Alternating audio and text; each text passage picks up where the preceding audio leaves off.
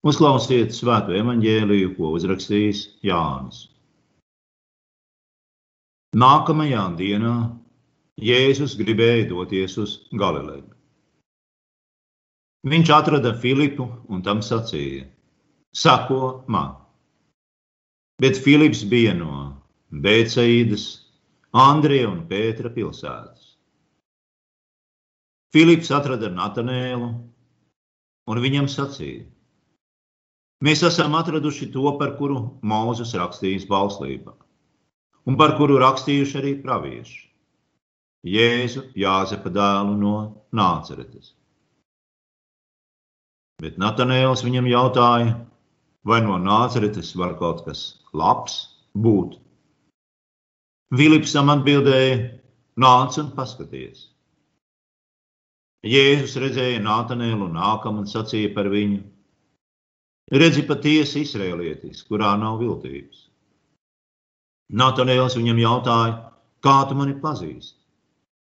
Un Jēzus atbildēja: Pirms Filips tevi sauca, es redzēju tevi zem vīģes koka. Natanēls atbildēja viņam: Rabi, tu esi Dieva dēls, tu esi Izraēla ķēniņš. Un Jēzus tam sacīja: Tu tici tādēļ, ka es tev teicu, ka redzēju tevi zem vīģes koku. Tu redzēsi vēl lielākas lietas par šīm.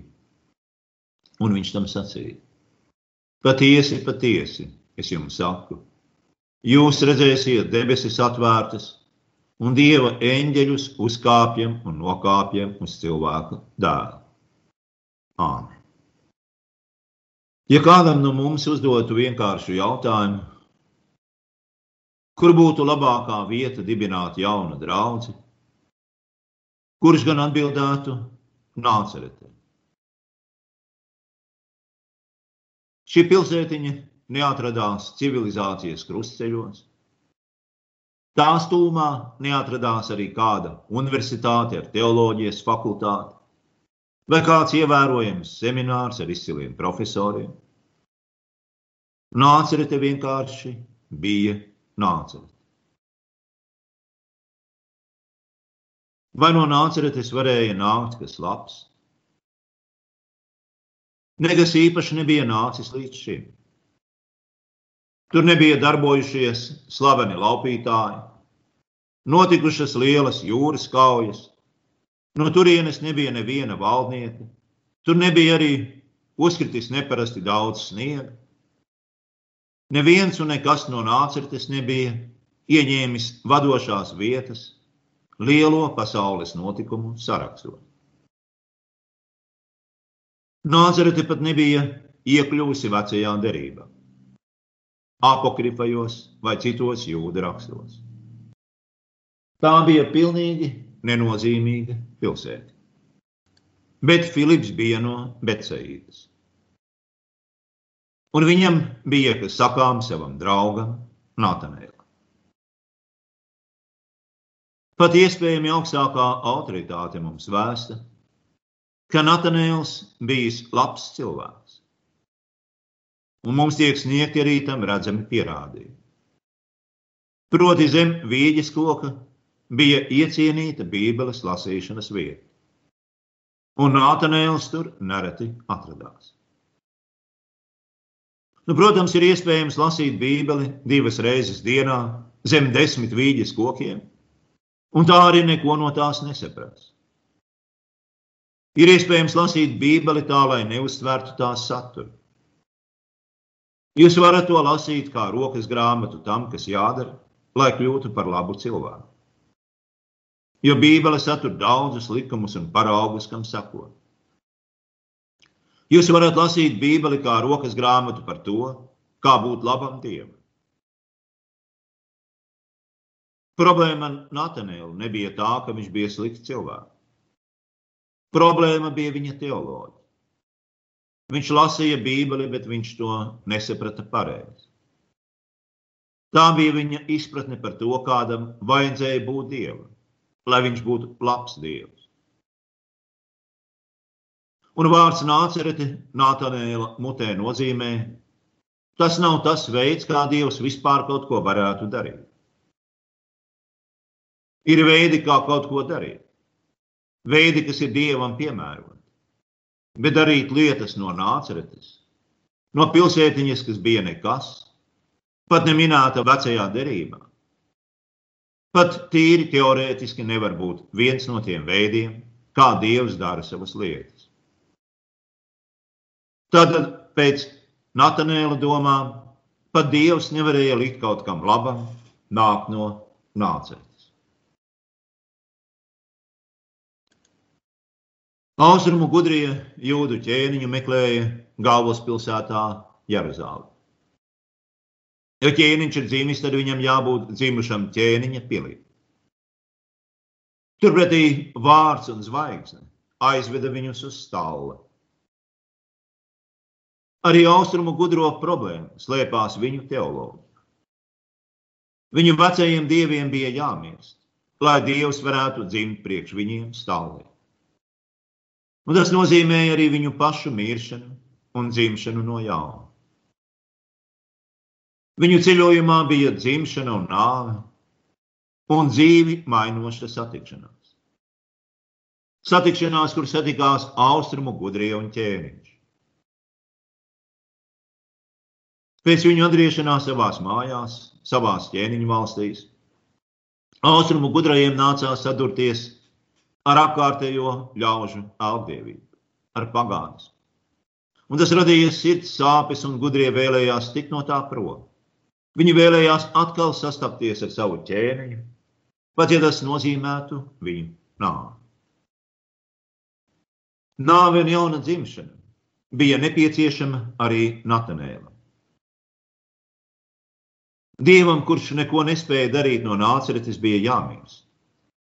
Un dievam, kurš spēja darīt jebko no nāceretes, bija jādzimst. Un šī dzimšana bija jauna dzimšana. Otrreizēja paša Natanēla dzimšana. Tā tad jauns dievs, jauns Natanēls, Jēzus no nāceretes un Natanēls viņa mācītājs. Tas ir Jēzus, kurš nāk pa stāļa ceļu, sievietes klēpja ceļu, nāceretes ceļu. Bet kā ar ķekavas ceļu? Mums ir baznīca kalna galā, no kuras var redzēt pat Rīgu. Un mēs esam gudrāki, piemēram, par Jēzus laika ganiem. Kas vēl mums ir vajadzīgs? Reālisti saka, mums vajadzīga vara un nauda. Romantiķi saka, mums vajadzīga mīlestība. Mēs šo to zinām. Mums ir savi vīģes koki, zem kuriem lasīt savas bībeles. Un mēs labi zinām, ko mums vajadzētu sagaidīt no Dieva. Ir daži noteikti standarti, kuros viņam jāiekļaujas, ja viņš vēlas būt mūsu Dievs. Ir daži izturēšanās veidi, kas dievam ir piemēroti ķekavā, un daži, kas tādi nav. Kad mēs tā spriežam un sakām, ir grūti iedomāties, ka mums patiešām ir darīšana ar dzīvo Dievu. Nevis kādu ideju, enerģiju, mašīnu vai kaut ko tamlīdzīgu. Jēzus zināja, cik aplam ir attiekties pret Dievu šādā veidā. Un tādēļ viņš draudzīgi iedunkāja Natanēlu par viņa vīģes koku. Ar smīnu, smaidu. Nu, smīns nav gluži tas, ko Dievam vajadzētu darīt. Smīns nav tas, kas būtu viņam piemēru. Un tāpat viņam, protams, nevajadzētu nākt no nāceretes. Viņam nevajadzētu piedzimt stāvī, bēgt kā bēglim uz Eģipti, nedz arī taisīt galdus nāceretes pāķiem, tādā veidā, kādā tie gribēja, lai viņu galdi tiek taisīti. Kam īsti dievam vajadzētu līdzināt? Filipam nav nekā, ko par to sacīt Nātanēlu. Lai gan varētu būt izraisījusies tīri laba teoloģiska diskusija. Filips jau bija Jēzus cilvēks. Un viņš zināja, ka nav nekā labāka par tikšanos ar pašu jēzu. Un tādēļ Filips saka, ko es tev te daudz stāstīšu. Nāc un redzi, nāc un skaties. Un Jēzus redzēja Nātanēlu nākam pie viņa. Pirms Filips tevi sauca, es redzēju tevi zem vīģis koka. Nātanēls nebija tas, kurš redzēja. Tas, kurš redzēja, bija Jēzus no Nāceretes. Jā, no Nāceretes. Pirmais jautājums tātad nav tas, vai tu tici Dievam, bet vai viņš tic tev. Jēzus pieņēma Nātanēlu, viņš redzēja viņu zem vīģes koka, un viņam bija savs cilvēks Filips, kurš paaicināja Nātanēlu. Nāc un redz.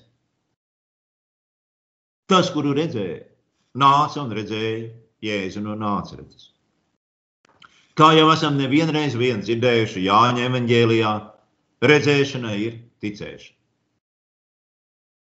Nātanēls vēl neticēja Jēzum. Jēzus ticēja viņu.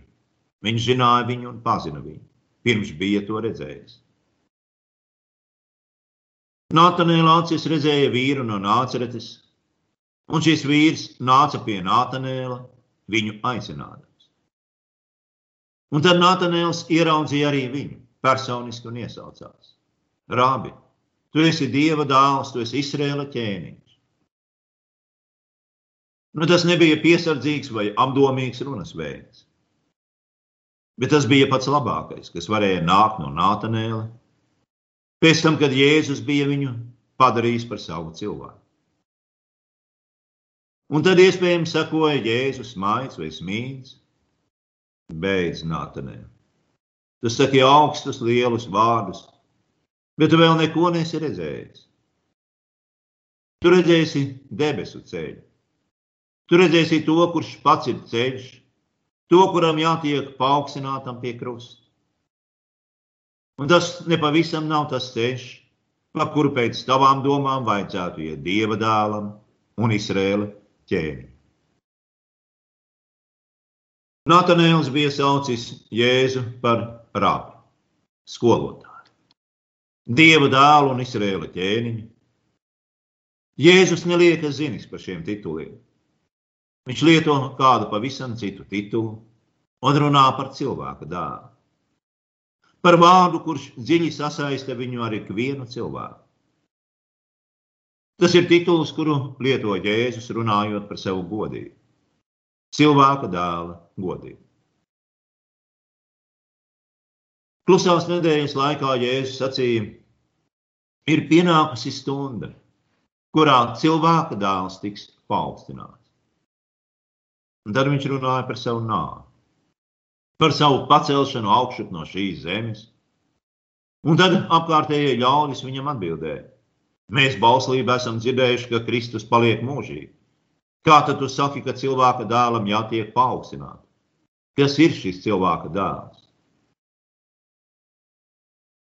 Šis cilvēka dēls ir Jēzus no Nāceretes, Jūdu ķēniņš, Izraēla ķēniņš, kura tronis ir krusts.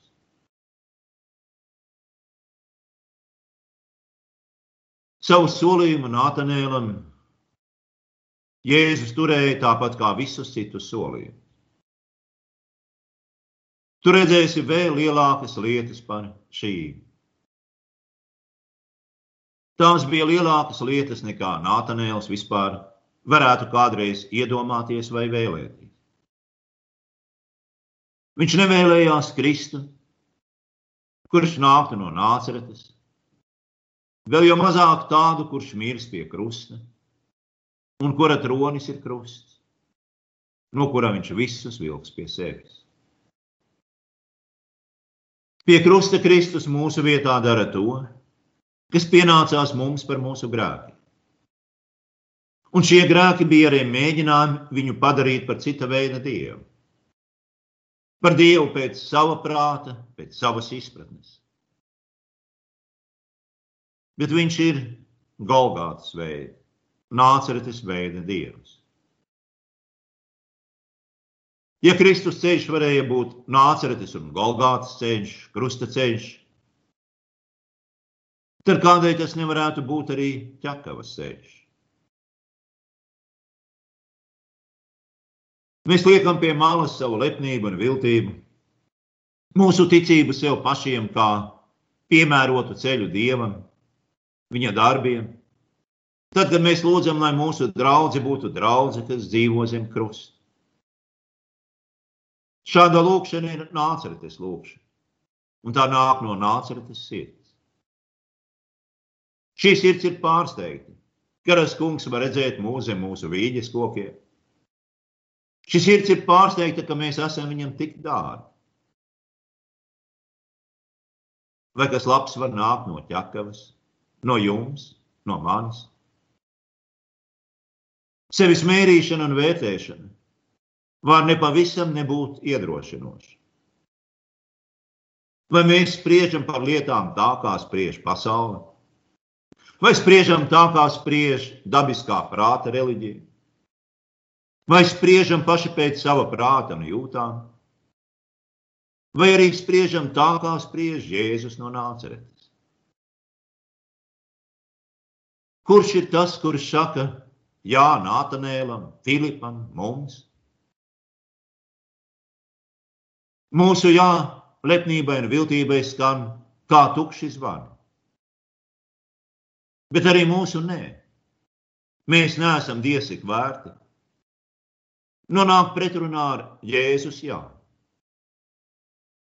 Tas, kurš saka, jā, tevi es redzēju, tevi ir vīrs no nāceretes. Un mēs esam viņa kapernauma, viņa kalns, viņa galgāta, viņa nācerete, viņa naglas un viņa ķekava. Āmen.